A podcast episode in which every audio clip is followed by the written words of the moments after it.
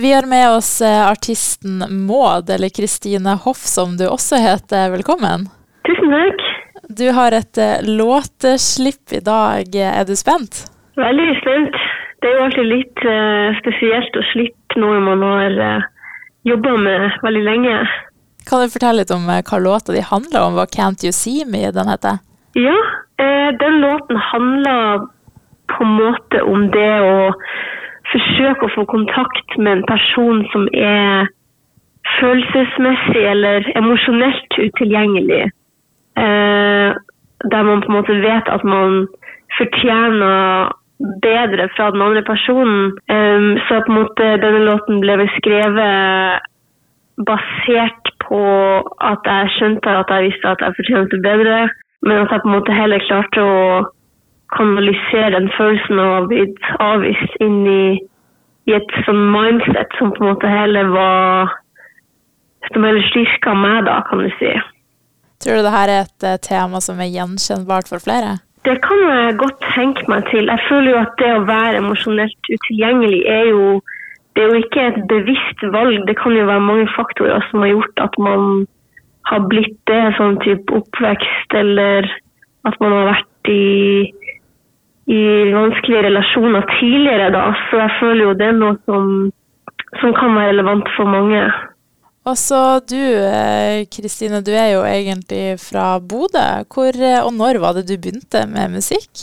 Det er jo en stund siden. Jeg har på en måte holdt på med musikk siden jeg var liten og gått musikklinja i Bodø for en stund siden. Og så har jeg også studert elektronisk musikk eh, i Kristiansand i fem år.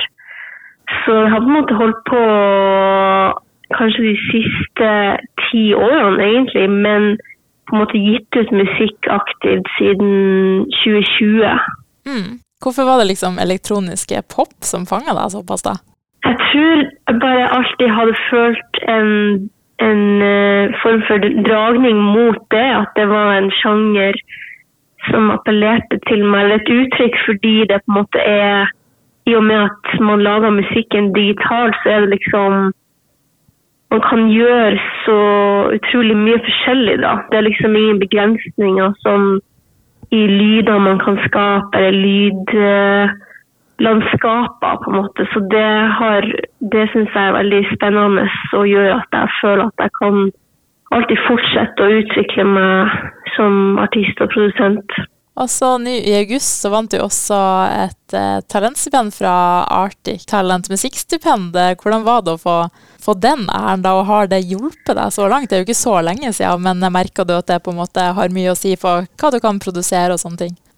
Absolutt. Det, det stipendet fikk jeg jo av eh, utdelt av Varangerfestivalen og Vår Energi. Og det er et ganske stort stipend på, på 400 000, så det det betydde jo veldig mye å få, få bli tildelt. Jeg visste jo Jeg hadde ikke hørt om det stipendet før, egentlig, så det var, det var veldig spesielt. Og også det å bare få en sånn anerkjennelse fra, fra eh, nordnorsk musikkbransje, på en måte.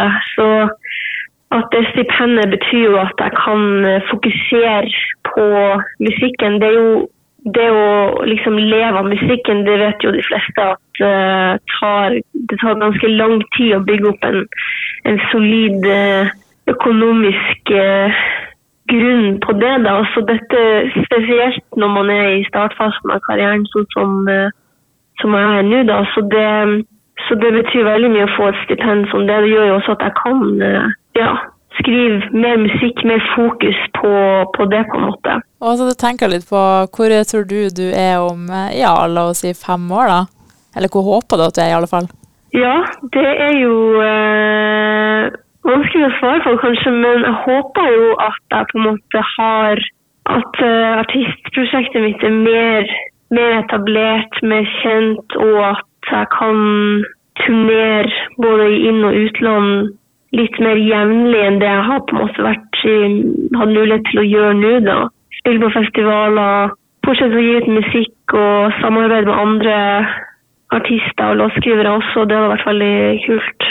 Supert. Tusen eh, takk for at du ville stilt en prat om masse tvi, tvi i framtida av artistkarrieren. Ja, tusen takk. Veldig koselig å få, få være med.